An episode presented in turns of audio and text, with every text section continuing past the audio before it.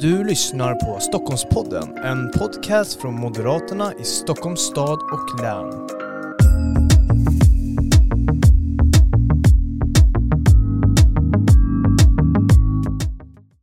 Nu spelar jag in här. Ja, varmt välkomna till ännu ett avsnitt av Stockholmspodden. Det här är ju vår podcast från Moderaterna i Stockholms stad och län där vi pratar aktuella brinnande frågor, spanar lite i framtidsfrågor med våra främsta företrädare men också andra aktörer och eh, personer från olika positioner i, i samhället. Men idag ska vi prata med två av våra företrädare. Deshira Flankör från Värmdö, kommunstyrelsens ordförande. Varmt välkommen. Tack.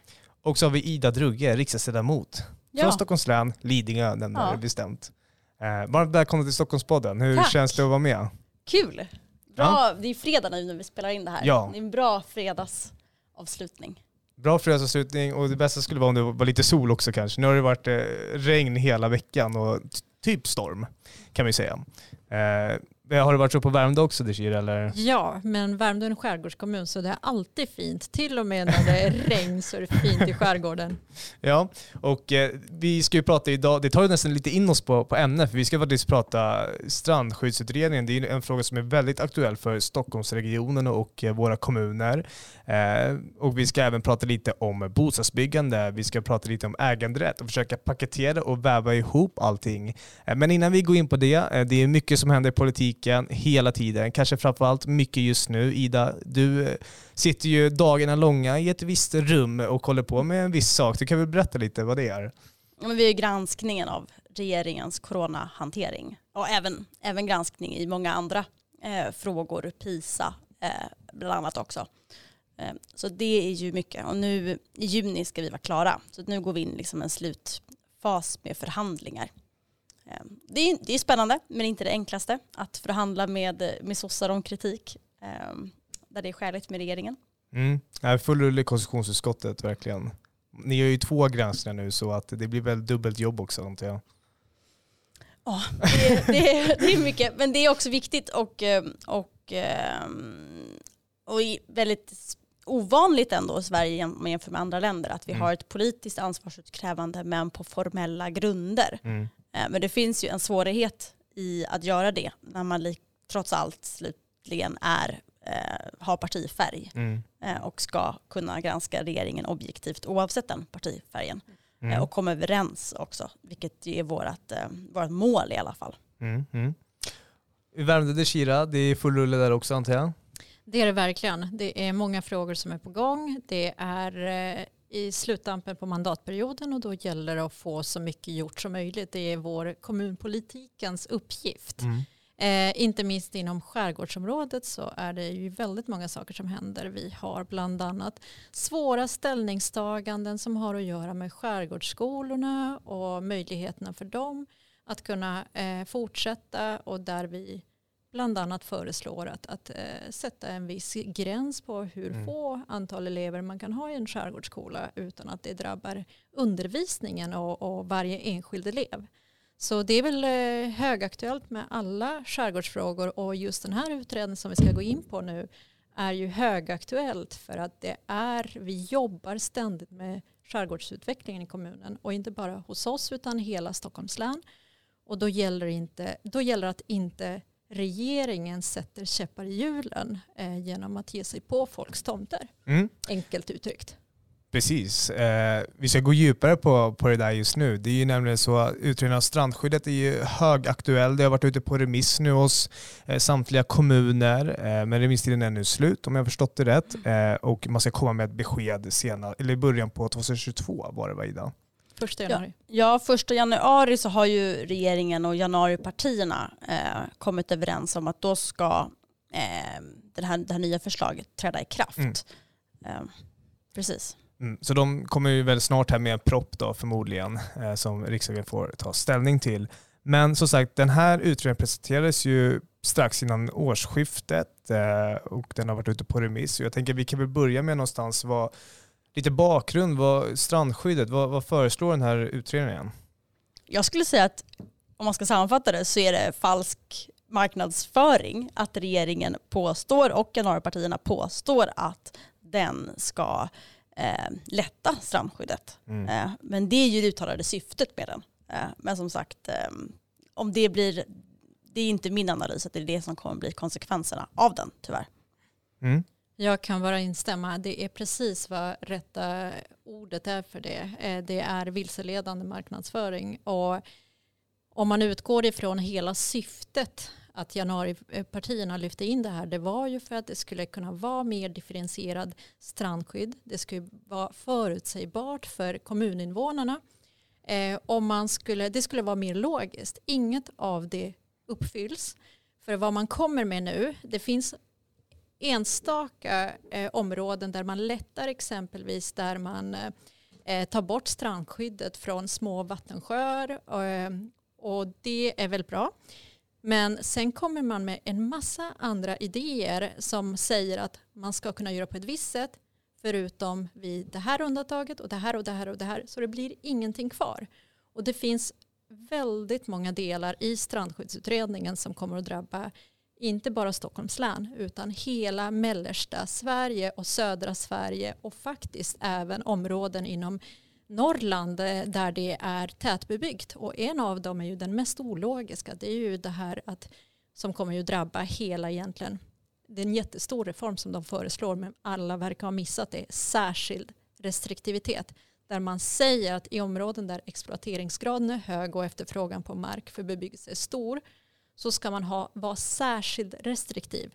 Och den som kan strandskyddslagen vet om att allt är, är mer eller mindre förbjudet förutom eh, när man har särskilda skäl för att få dispens. Och de här särskilda skälen är sex stycken till antalet och de är ytterst restriktiva. Och det är de här sex särskilda skälen som regeringen eller som eh, strandskyddsutredningen vill att man ska vara särskilt restriktiv på. Och då börjar man gå tillbaka till ja, vad var lagen grundade sig på. Det är två syften. Den ena första syftet är tillgången till stränderna för allmänheten. Det andra syftet är värna livsvillkoren för djur och, och växtliv.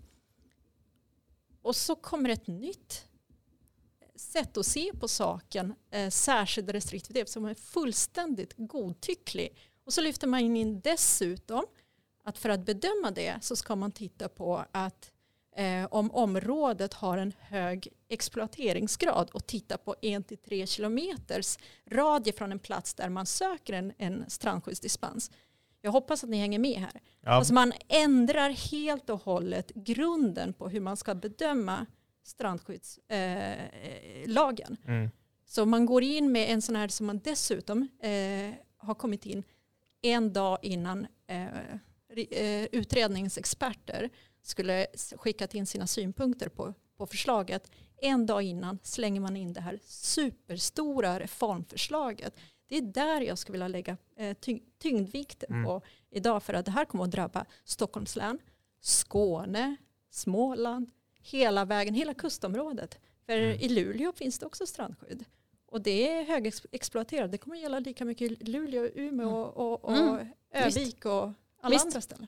Alltså det, Gud, Shia, du började med att säga det, men det finns ju, jag tror det är två saker, sam, två, tre saker sammantaget om man är snäll som vi, som vi ändå är positiva till i förslaget. Eh, men de är ju i sammanhanget väldigt eh, små. Eh, men det är de här delarna om, dels är vi positiva till digitaliseringen som de föreslår, att det ska vara lättare och mer förutsägbart då genom digitalisering att som fastighetsägare se var det finns strandskydd eller inte. Det är ganska mer- givet, det kan man liksom inte vara emot. Så det, det, Det är, är väl bra. hygienfaktor. Ja, ja Mhm. verkligen. Ehm, och, så det är vi såklart positiva till. Det andra är att vi är positiva till att man avskaffar generellt strandskydd vid små sjöar och vattendrag eh, som är anlagda, alltså byggda, inte eh, byggda av oss människor. Att där, där försvinner det är också egentligen givet konstigt att det ens har funnits strandskydd där från första början. Eh, eh, så det är vi, också vid de här små eh, områdena så föreslår man även att strandskyddet ska tas bort vid små sjöar eh, och vattendrag. Ja men det är ju bra att man gör det.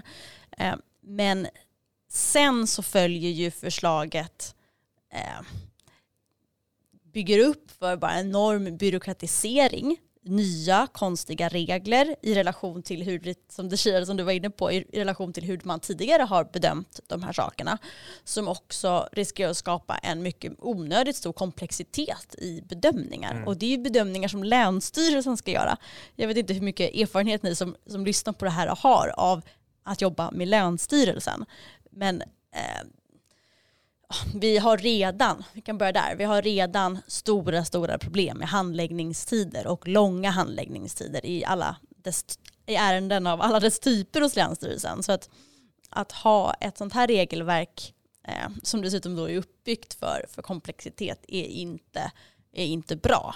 Eh, man ställer upp en rad kriterier som i praktiken innebär att man endast får häva strandskyddet om det inte är attraktivt och om området inte är av särskild betydelse eh, för något av de sex eh, anledningar som man ska ha strandskydd till som Deshira var inne på.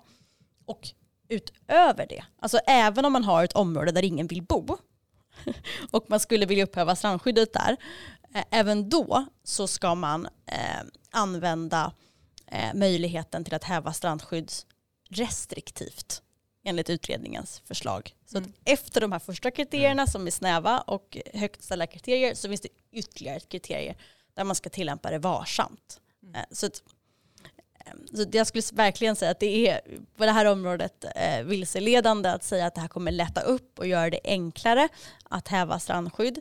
Vi har ju, och det har vi partistämmobeslut på i, i Moderaterna, vi förordar istället att man stärker kommunernas eh, självbestämmande på det här området eh, och att kommunerna ska kunna peka ut eh, var man behöver strandskydd, var man vill ha ett generellt strandskydd någonstans om 50 eller 100 meter. Så att kommunerna får peka ut det ehm, och, ehm, och där gäller då strandskydd på de platserna, 50 eller 100 meter. Mm omvänt från idag, att man ska ansöka hos Länsstyrelsen om att få dispens från det generella. Mm. Så det är en, en omvänd och, ordning. Och som kommunpolitiker kan jag intyga om att det, det, är den bästa och svåraste uppgiften en kommunpolitiker kan ha för att vi har ju inte bara den som söker strandskydd och tar hänsyn till utan vi har alla andra också som har en åsikt om det. Så det blir ju inte bättre än så om vi får bestämma själv. Vi kommer att behöva ta hänsyn till både till alla andra som ska ha tillgång till stränderna men också till den som vill ha värna om sin äganderätt. Och jag tänker ändå att för lyssnarna så kan det ju vara viktigt att de här skälen som man kan få dispens för, den som används mest är det första skälet. Och alla andra är jättesvåra att applicera, men första skälet säger att eh, området, eh, åtgärden har ingen betydelse för stra båda strandskyddets skäl. Alltså den, den är mer eller mindre, i praktiken, jag har varit byggnadsnämndens ordförande, så betyder det att den är på någons altan. Alltså, eh, enkelt sagt, det, det, du kommer inte åt det för den är inom, inom hemfridszonen, alltså inom 20 meter ifrån fastigheten, ifrån eh, huset. Och då har du ingenting där att göra som utomstående. Så vad vi är inne på och vad det är de vill att vi ska titta på det är om man ska begära eh, dispens från strandskyddet för att få bygga ut sin altan eller sin carport så ska, de, ska man alltså titta på det här särskilt restriktivt. Och då ska man ta hänsyn också till en till tre kilometers radie om hur många människor som bor omkring. Och i en kommun som Värmdö som har exempelvis vatten överallt, 10 000 öar, vi har Gustavsberg som har en del höghus så kommer man till villabebyggelser där Gustavsbergs höghus blir en del av den här exploateringsgraden och befolkningstrycket som kommer påverka någons carport. Det blir jättekonstigt. Det blir bara märkligt. Och en annan del som jag skulle vilja lyfta det är ju just det som Ida var också inne på för mig. Och det är det här att man föreslår också att man ska upphäva gamla förordnanden. Och en hel del av Sveriges länsstyrelsen har eh, utfärdat förordnanden. Det betyder att man, eh, man har pekat ut ett, ett antal områden där man har bedömt båda skälen, eh, båda strandskyddsskälen, om de eh, gäller eller om, de, om det finns risk för att man, man då inte skulle kunna uppfylla dem. Och sen har man släckt strandskyddet. Och nu, trots att man har gjort den här bedömningen en gång i tiden, så ska man alltså dubbelpröva. Så man ska ge länsstyrelserna möjlighet att upphäva de här gamla förordnanden. Och jag vet exempelvis att Skåne har väldigt många sådana här eh, förordnanden, vilket skulle drabba dem väldigt mycket och förmodligen deras utveckling. Mm. Ja, eh, man hör på er att ni, ni går igång direkt. Det är ju väldigt komplicerat det här och den här utredningen vill ju egentligen bara försvåra allting och göra det ännu mer byråkratiskt. Men om vi, vi ska leka lite med, med tanken och idén då. då eh, och eh, det här är bara spekulationer, ska vi säga, att de kommer med en propp som liknar den här utredningen och det går igenom.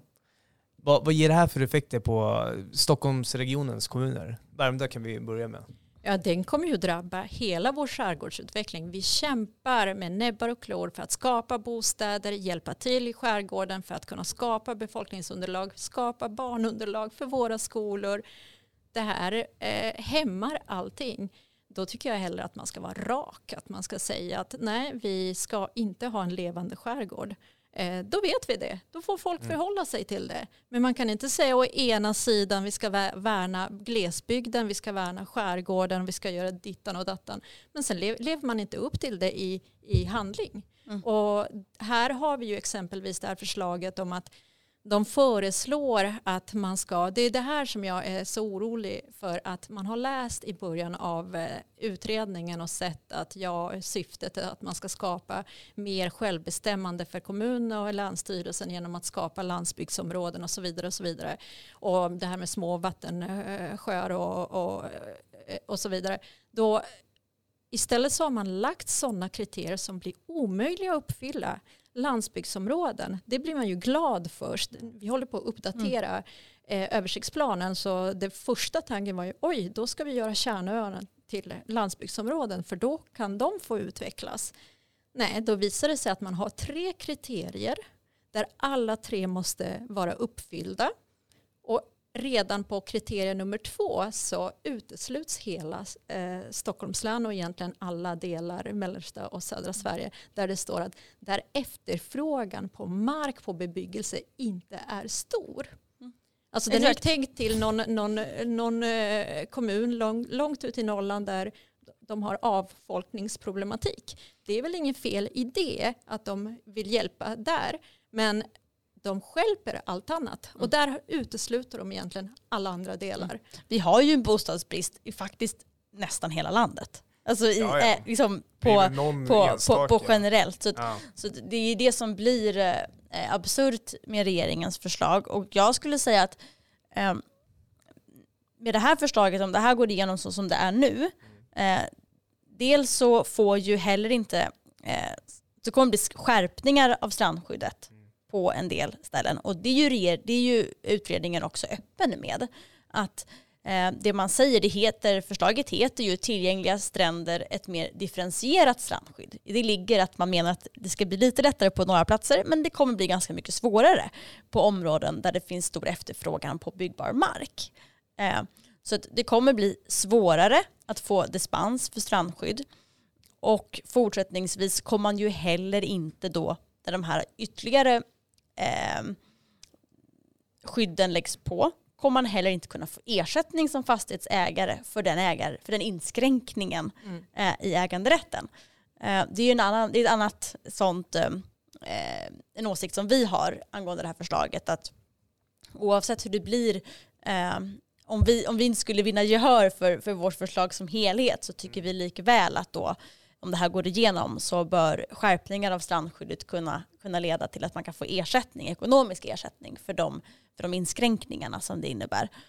Um, det, det, vet jag inte om det hjälper ens. Nej men, är, nej, men sånt... absolut, det, det, blir ju likväl plåster ja. på ja, små, små plåster ja. på väldigt stora sår. Så att, eh, men så har vi ju i i andra, eh, när staten eller kommuner i övrigt exproprierar eller man mm. på det miljöområdet går in och gör, begränsar äganderätten så har vi ju möjlighet till ekonomisk ersättning. Det finns inte för det här för strandskyddet. Mm. Eh, eh, så det är ju en, liksom en avart redan som det ser ut idag att, vi, har det här, att vi har det på det här sättet.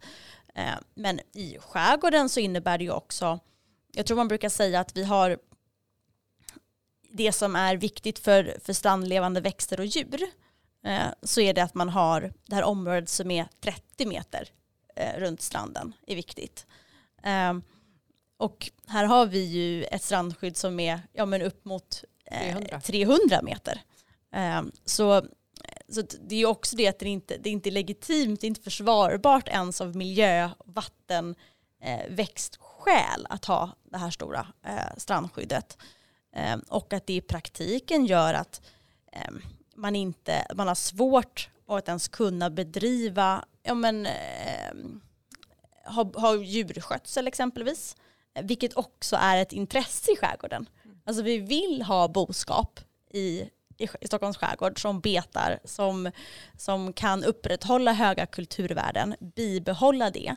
Eh, vi har haft jordbruk och boskap i Stockholms skärgård, det är en del av kulturarvet. Mm. Men med det här strandskyddet och de här hårda regleringarna så blir det svårt att ens upprätthålla upprätthålla de eh, näringarna mm. eh, och då de kulturintressena som finns i skärgården. Jag tänker ta fasta på din 300 meters gräns som du pratar om utvidgat strandskydd som det heter. Det, det, ut, det gör, eh, utredningen föreslår att det ska uteslutas från landsbygdsområden. Då undrar man vad blir kvar av förslaget? Mm. Så man ska uppfylla de där tre kriterierna och man utesluter alla områden med 300 meters strandskydd. Det betyder stora delar. Nu är vi inte inne på, på Stockholm, mellersta Sverige och södra Sverige utan nu är vi inne på även Norrland. Mm. Så då undrar man vilken ort blev kvar? Mm. Det är ju på den nivån jag är. Vilken ort blev, blir kvar egentligen? Ja. Var, vilken ort är man ska få tillåta ja. strandskydd och vad är anledningen i så fall att det var så viktigt ja. i just den orten? Men, jag tänker ändå Ida i, i riksdagen, det här är ett förslag som, som nu ska, mm. eller det kommer en proposition på det och partierna får ta ställning. Men Liberalerna och Centerpartiet, hur ställer de sig till det här? Är de i hård opposition som, som vi moderater eller svajar de lite eller har de inte bestämt sig? Ja du, det är väl den frågan som alla ställer sig nu. Ehm, det här är ju Eh, effekten, den här utredningen, är ju en effekt av januariöverenskommelsen mm. och en punkt 23, om jag minns rätt, i avtalet. Mm. Eh, och eh, eh, tyvärr så finns det väl prestige eh, till del i det här då. Att man gärna vill, att hoppet är det sista som överger en. Man gärna vill att den här utredningen ska vara positiv och leva upp till de intentioner man hade med den punkten från COLs sida. Mm. Ehm, och Eh, det är därför det är viktigt att vi pratar om den här frågan. Mm. Eh, och, eh, och spricker hål på den här bubblan och visar att så här, kejsaren är naken, det här är inte ett förslag som underlättar för strandskyddet. Eh, tyvärr. Eh, så att, för det innebär ju också då att Centern och L inte bör stå upp bakom utredningens förslag utan eh, följa det, den, det som ändå är deras liksom, genuina åsikt i grunden, att strandskyddet bör lättas upp mm. och följa det istället eh, och då snarare eh, motsäga sig det här förslaget. Jag har faktiskt lyssnat en del på deras argumentation och det är precis som Ida säger.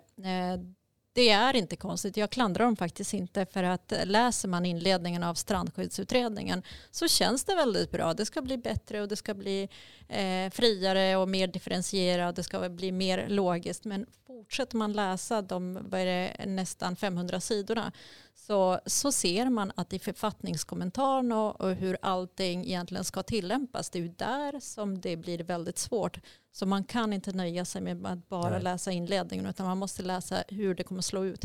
Det var det här som hände förra gången. Man hade väldigt, väldigt goda tankar med, med en ny utredning och man, man tillämpade den och så blev det väldigt svårt. Mycket, mycket svårare, inte alls vad avsikten var.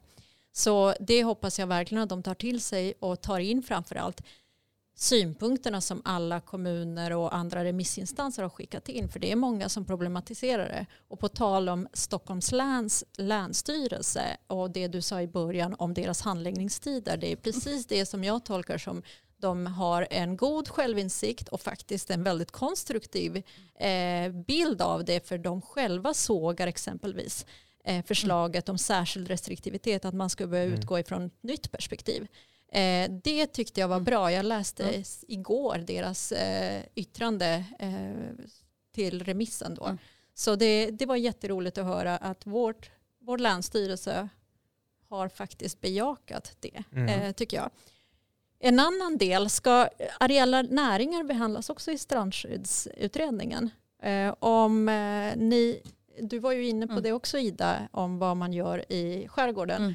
Och här, areella näringar kan man få dispens för när det gäller strandskydd. Och då är det som det ser ut idag, då pratar man om jordbruk, fiske, skogsbruk och renskötsel. Men där önskade vi, utredningen pratar om att man bör se över det, men och det är oklart om man ska strama åt den. För man resonerar lite grann i de termerna mm. för att man tycker att det är, det är för fritt och det är inte tillräckligt tydligt. Eh, och då rekommenderar utredningen att man borde ta tag i och titta lite närmare på det. Vi håller med om att vi ska titta närmare på det, men man borde anpassa det till lokala förutsättningar. En skärgårdsbo har, sysslar inte med renskötsel och, och, en del av det som, som finns idag, utan det finns mycket mer att göra. De sysslar med hantverk, de sysslar med eh, besöksnäringen mm. och det är vad Stockholms skärgård gör i alla fall. Och då är det viktigt att även det kan inkluderas och en skärgårdsbo är mångsysslare. Det finns inte ett så stort underlag att man kan bara hålla på med en bransch. Mm. Utan det är väldigt många delar. Verkligen. Då måste man kunna få ha tillgång till sjöboden eller vad man nu är ute efter att ha nära vattnet. Mm. Och där hoppas vi att man tar med det perspektivet och slopar omsättningskravet som det är idag. Eh, det gör ju att, att har du exempelvis då återigen på Värmdö mm. där man har mest att göra på sommaren så når du inte riktigt så höga omsättnings, eh, så hög omsättning som man skulle ha gjort om man bor på fastlandet och jobbar året om då. Mm. Så det är sådana delar som jag... Mm. Ja, men det är inte anpassat, eh, du kan ju det här mycket bättre i detalj än vad jag kan Deshira, men det är ju, jag tror för alla, alla som vistas i skärgården eh, så är det ändå uppenbart att för att klara av att bedriva verksamhet och, eh, och näringsverksamhet i, i Stockholms skärgård idag och, och överlag på landsbygd eh, så behöver man eh, ofta eh, göra mer än en sak. Och förutsättningarna att lyckas och leva på det idag är väldigt annorlunda från hur de var eh, om vi går hundra år tillbaka i tiden. Ehm, så att en, en sån sak som vi också lyfter är att vi vill att undantaget för, som finns för areella näringar också bör, det bör stärkas. Och man bör inkludera exempelvis hästnäringen. Mm. mm. Eh, för att hästnäringen inte, räknas inte in eh, som en sån näring idag. Eh, så den flexibiliteten eh, behöver man eh, och de dispensskäl som finns eh, för det ska man ju säga att även med vårt förslag i den här omvända ordningen där man pekar ut 50 och 100 meter strandskydd så gör man ju det av miljöskäl. Mm. Eh, så att man behöver också kunna motivera eh, och när man pekar ut det här eh, göra de här bedömningarna. Men, men i vårt förslag så görs ju det en gång och sen så har man mycket bättre förutsägbarhet i, i det och också då bättre rättssäkerhet för den som sen köper mark. Mm eh, till skillnad från idag. Eh, så att, eh, där behöver man även, eh, blir det relevant även med vårt förslag att utöka dispensskälen eh, och den flexibiliteten för att kunna väga intressen på ett mycket mera eh, precis sätt mm. än vad man gör idag. Mm. Skulle ni säga att den här nya strandskyddsutredningen står i konflikt med äganderätten? Vi moderater pratar ju en hel del, det ser höjer på ögonbrynen, eh, men den här, vi pratar ju en hel del om äganderätten inom vårt parti och eh, vill ju verkligen eh, vara rädd om den och försvara den. Skulle ni säga att den här nya strandskyddsutredningen, för den går ju i direkt attack egentligen mot folks hem och så vidare, skulle ni säga att den, den hotar äganderätten? Det känner du kan ju börja. Absolut, absolut. Det gör den på alla sätt och vis. Det är ju just därför eh, man blir lite upprörd när man tänker på det här. För det är precis det de ger sig på. Och det är därför jag lyfte inledningsvis just de här särskilt restriktiv. Det är mm. för det första så godtyckligt så att man inte vet. Det kommer att vara upp till den handläggaren vad den tycker. Eh, och där är man på folks tomter. Det låter som att jag raljerar och överdriver. Men det är det som det handlar om när man ger dispensskäl idag enligt de sex särskilda skälen. Och det första skälet då som, man, som appliceras mest. Och då är det äganderätten man är på. Det kan inte vara någons mening oavsett hur mycket man, man bejakar eh, strandskydd eller naturvärden det kan inte vara någon som ställer sig bakom på att man har någonting i någons tomt att göra. Alltså då pratar jag inte om hela fastigheten utan någons tomt som anses då vara inom hemfridszon. Så det är på alla sätt och vis en äganderättsfråga. Och eh, ja, vad mer kan man säga? Det, det är precis varför vi, vi är så upprörda över det här. Vi har ju samtidigt, vi håller med om, alltså de här exempelvis landsbygdsområden, skulle de appliceras rakt av som de är idag i skärgården, då skulle vi börja bygga alltså längst ut på vår ytterskärgård. Det vill ingen, det vill inte vi, det vill ingen. För det är ju så orört och jungfrulig mark, det är vår pärla, vår stolthet. Vi vill inte att, få, att utredningen ska ge sig på folks tomter, det är där vi hakar upp oss på. Så de här landsbygdsområden borde vara utformade för skärgården och kustområden och havsöar, eh, mm. kärnöar som vi har på ett sätt där man har en särskild kriterie som är helt fristående för oss. För vi vill inte röra vår ytterskärgård, det är ju inte det vi vill. Vi vill kunna utveckla de, de kärnöar vi mm. har skolor på. Mm. Vi har fastboende som har hemtjänst exempelvis. Det måste kunna funka. Mm. mm. Ja, och också eh, att de, att de näringsverksamheter och det som vi också faktiskt har av kulturskäl och miljöskäl, alltså för att kunna för att kunna upprätthålla hög biologisk mångfald så är det bra med exempelvis betesmark. Men då måste det finnas, och det är miljövärden och viktiga värden som vi vill kunna upprätthålla i Stockholms skärgård bland annat. Och då behöver man fortsätta kunna skapa möjligheter att på egna ben driva eh, och av egen kraft ha råd och möjlighet att få, få liksom ekonomi i, i, i den typen av, av näringsverksamhet som, som har betesmark exempelvis. Mm. Så att, um, och där, men där har vi ju liksom, i Sverige, man kan ju börja med att säga så här, i Sverige har vi inte, äganderätten är inte absolut i Sverige. Eh, det är inte näringsfriheten heller. Det är två rätt friheter som inte vilar konstitutionellt på samma grund som eh, det likställs inte i vår konstitution med demonstrationsfrihet, yttrandefrihet exempelvis. Eh, utan man får göra inskränkningar lättare i de rättigheterna. Eh, så bara där är ju utgångspunkten och det här är någonting som vi moderater vill ändra på. Vi föreslår ju, det sitter en grundlagsutredning nu, där hade vi velat att man tittade på de här sakerna Eh, det finns inga, inga egentliga skäl, vi ser inga egentliga skäl till varför man skulle reglera de här eh, friheterna och rättigheterna olika. Mm. Men, men så har vi ju, det är utgångspunkten idag. Och sen så på det då när man adderar inskärpningar i en inskränkning i äganderätten gör det på ett sätt som blir mer komplicerat, alltså också mindre förutsägbart. Då blir det mindre rättssäkert. Och det skulle jag säga, det är också en viktig... Jag, har, jag är för att man kan göra vissa begränsningar i äganderätten för miljöskäl, exempelvis.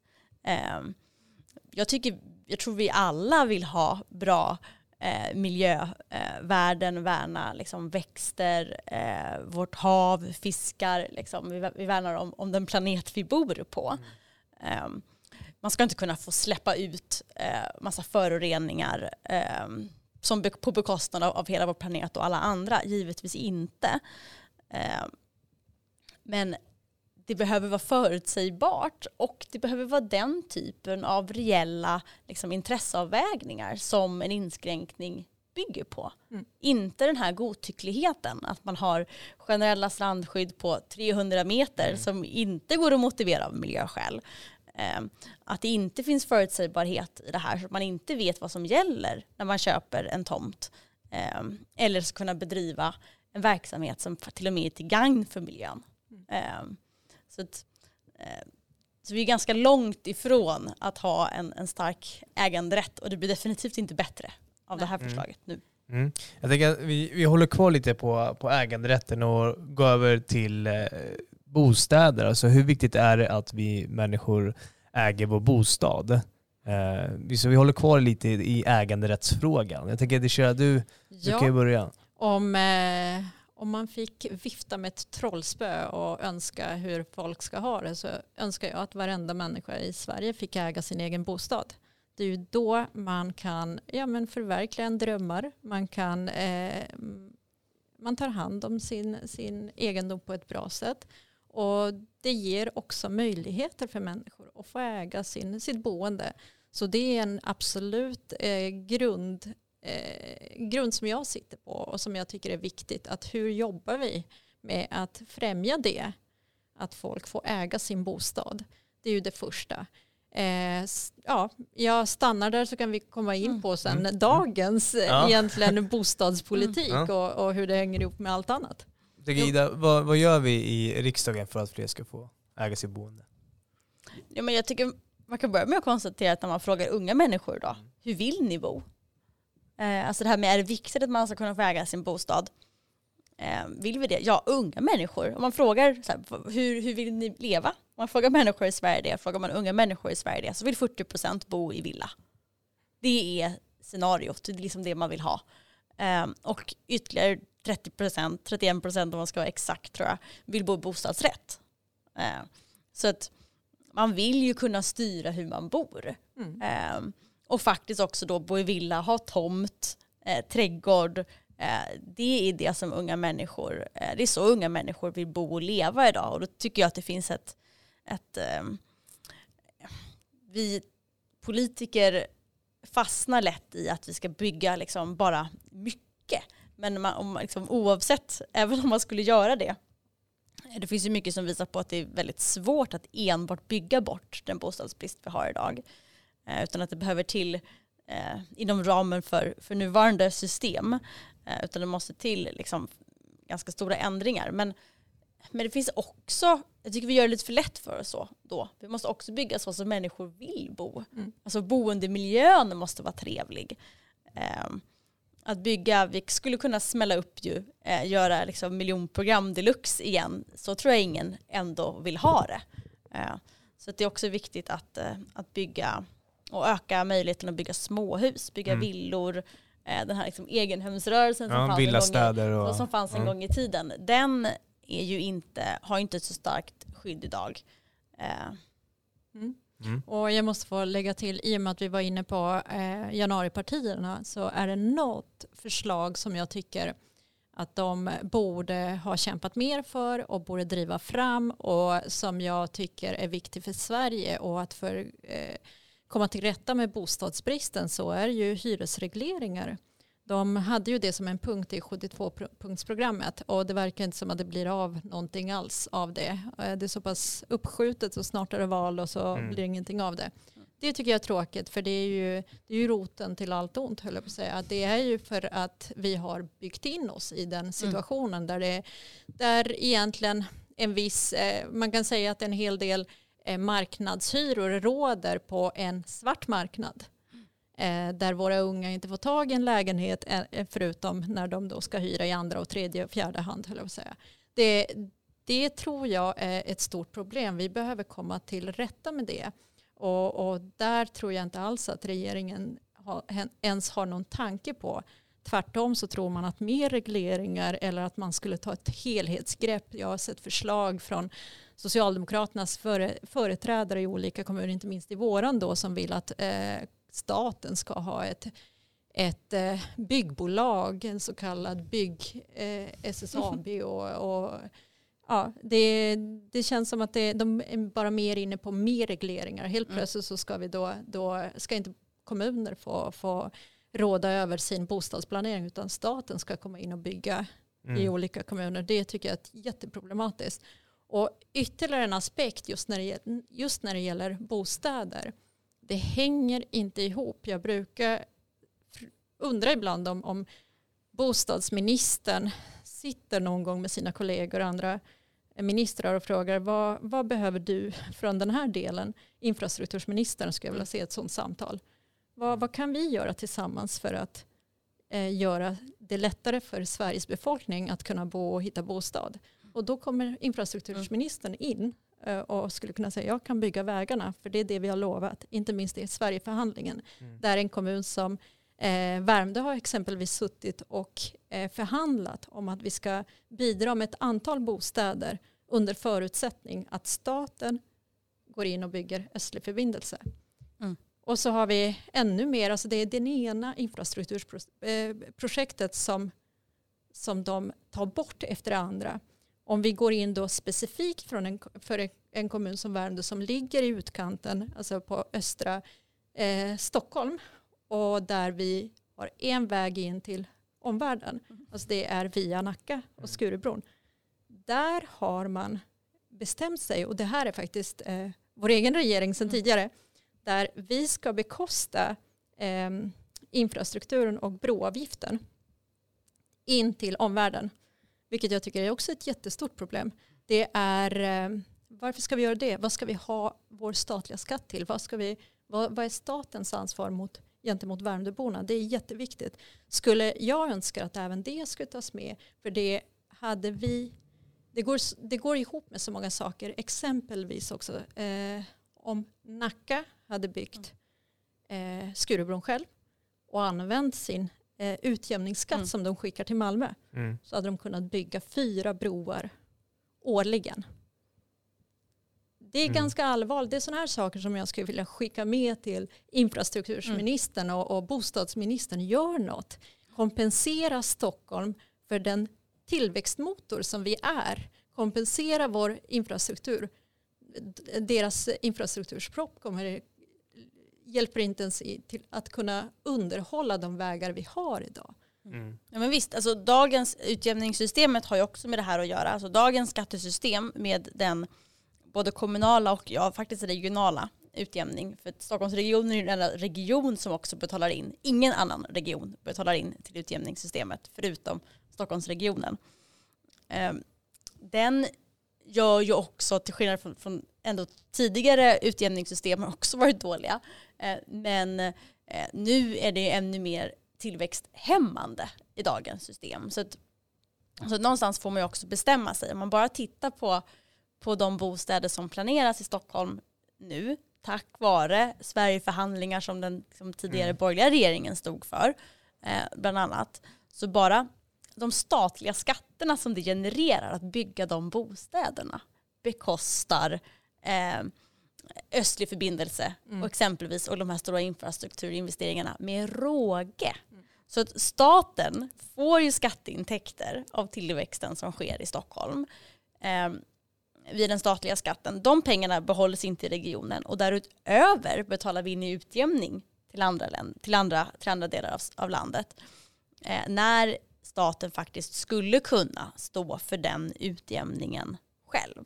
Mm. Alltså det vi ändå betalar in i statens budget är inte jättestora summor som det handlar om utan staten står ju redan idag för merparten av kostnadsutjämningen. Så staten skulle absolut kunna ta den, eh, ta den eh, kostnaden själv. Mm.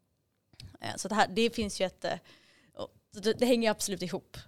Mm, um, mm. Och din inledande fråga, vad var den? Nu har vi kommit in på, jag blev så, ja, men det, det var det. några andra saker jag tänkte att jag skulle svara på här. Eh, mycket bra uh, fråga vad min inledande fråga var. Det minns inte ens jag själv faktiskt. Om jag men vara så. kopplat men, till, um, till bostadsbyggande? Um, jo men det var väl äganderätten, mm. alltså hur viktigt är det att, att, ja, men just att folk äger sin bostad Exakt. idag? Alltså jag skulle säga att det är djupt, eh, om man frågar regeringspartierna idag, deras representanter, så tycker jag deras svar är djupt omoraliskt egentligen. Eh, svaret på hur unga och människor eh, som inte har en bostad idag, hur det ska lösas, att det är via hyres, en reglerad mm. hyresmarknad. För det är, inte, nej men det är inte heller, eh, alla partier, tror jag, alla kan vara överens om att ekonomin möjligheten till eh, att stå på egna ben och att ha en, också en ekonomisk utveckling är en avgörande för den egna friheten som människa. Och eh, kostnaderna på, på, livstid att bo i hyresrätt mm. är inte ekonomiskt gynnsamma. Eh, och så som vårat, liksom, med, de, med de stora skattetryck som vi har i Sverige idag så är det ja, till stor del eh, möjligheten att äga sitt boende som möjliggör för människor i Sverige idag att ändå ha en växande ekonomisk förmögenhet, att ge en frihet. Mm. Eh, och det omöjliggör vi för människor som bor, eh, det fråntas människor som bor i i vår sönderreglerade hyresmarknad. Så att säga att människor som redan har det, eh, har det svårt ekonomiskt eh, och som in, har svårt att hitta bostad, som inte har bostad, ska hänvisas till, eh, till, vår, till den hyresmarknad som vi har idag. Ja, jag skulle säga att det är, ett, det är omoraliskt, en omoralisk lösning och ett omoraliskt system. Istället så behöver vi ju ha eh, en hyresmarknad som eh, med friare hyressättning, med fri hyressättning i nyproduktion eh, och behöver ändra hela det, hela det systemet. Mm. Eh, men vi behöver också när vi detaljplanelägger mark ta hänsyn till att människor vill äga sitt boende. Mm. Eh, vill till och med äga hus, småhus mm. Eh, och se till det eh, behovet och människors liksom, efterfrågan på det när vi bygger. Mm. Och när vi liksom, vilken mark som, som vi vill tillgängliggöra. Mm. Och där är du inne på någonting som eh, skulle ge betydligt mer effekt än, än att eh, försöka reglera eh, mer. Det är faktiskt att faktiskt inventera lagen, inventera alla eh, utmaningar idag som gör att byggkostnaderna skenar. Eh, istället för att försöka subventionera byggen så borde man underlätta eh, avbyråkratisera en hel del för att detaljplanen ska gå fortare. För att det inte ska bli så kostsamt idag för byggherrar att få bygga. Idag är det ju bara riktigt stora byggherrar som vågar ge sig på en detaljplaneprocess för att som kommun så skriver vi detaljplaneavtal, kostnadsavtal då med byggherren. Och det kan ta hur lång tid som helst. Och den kostnad som vi får för vår, från vår förvaltning blir ju byggherren tvungen att betala eller delar, eh, mm. stora delar av det. Och det gör ju att alla mindre aktörer utesluts för de har inte råd, de har inte tiden, de går omkull innan den, en detaljplan eh, vinner laga kraft på mm. grund av att alla moment som vi har, alla instanser som ska rådgöras och alla överklaganden som du kan i stort sett överklaga idag, bara säga att jag tänker överklaga, jag återkommer med varför och så köper du dig mer mm. tid. Då ska man hålla på så här från in, en instans till en annan. Mm. Det skulle ge mycket, mycket mer, eh, vad ska man säga, det skulle ge mer konkreta åtgärder om man försökte fokusera på det. Mm. Jag vet att, att eh, vår tidigare regering ville ju eh, lägga en avgift på att kunna få överklaga. Jag är ganska säker på att det skulle kunna hjälpa.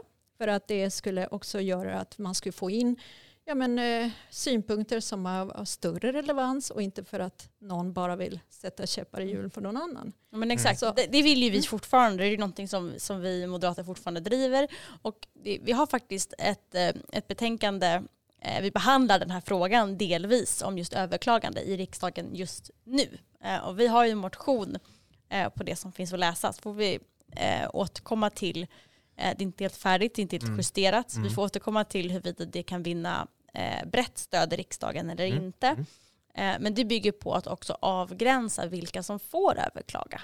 Mm. Eh, idag så får ju väldigt många eh, organisationer också överklaga. Eh, inte alla. Eh, miljöorganisationer får överklaga, Naturskyddsföreningen exempelvis. Eh, eh medans eh, andra intresseorganisationer, jag vet i skärgården så har det funnits en, eller finns en, en debatt kring det här att även eh, de då givet att, att miljöorganisationerna får överklaga så blir det också orättvist mot andra intresseorganisationer som inte får. Eh, så att organisationer som, som värnar eh, bebyggelse i skärgård exempelvis men som inte är miljö och naturorganisationer får inte överklaga. Så där finns det liksom blir en sned en snedvridenhet mm. i, i den möjligheten. Och då vi ser snarare än att utöka den här överklagansrättigheten eh, så vill vi tvärtom minska den mm. eh, och pålägga avgift för, vid överklagande. Mm. Eh, för att det, ja, men det behöver såklart att man ska kunna överklaga om man är en berörd granne. Mm. Alltså givetvis. Sakägare. Mm. Om man är sakägare. Eh, precis. Men miljö, miljöhänsyn och så ska ju redan tas i lagstiftning. Eh, den uppgiften har domstolen. Eh, så där finns det inte, eh, ska inte behövas att vi har intresseorganisationer som är part mm. Eh, på det sättet i de målen. Mm. Nu är det så här att vi, vi måste avrunda Mm. den här podden. Eh, Vi kan ju sitta i dagar känner jag Mm. och bara fortsätta prata om allting och så. Eh, Men jag tänker att vi får återkomma till frågan om, om strandutredningen, eh, strandskyddsutredningen när de kanske lägger fram en proposition och man börjar ja, söka stöd i riksdagen och så vidare. För det är en väldigt intressant fråga just för Stockholmsregion Mm. också. Det kan ju verkligen påverka lokalt direkt eh, om den vinner lagakraft. Men med det sagt så vill jag tacka dig Ida Drugge för Tack. att du kom till Stockholmspodden och stort tack också till dig Desiree Falkör för att du kom till Stockholmspodden. Stort tack. Och stort tack till dig som också har lyssnat och jag hoppas att du är med oss i nästa avsnitt. Tack! Tack. tack.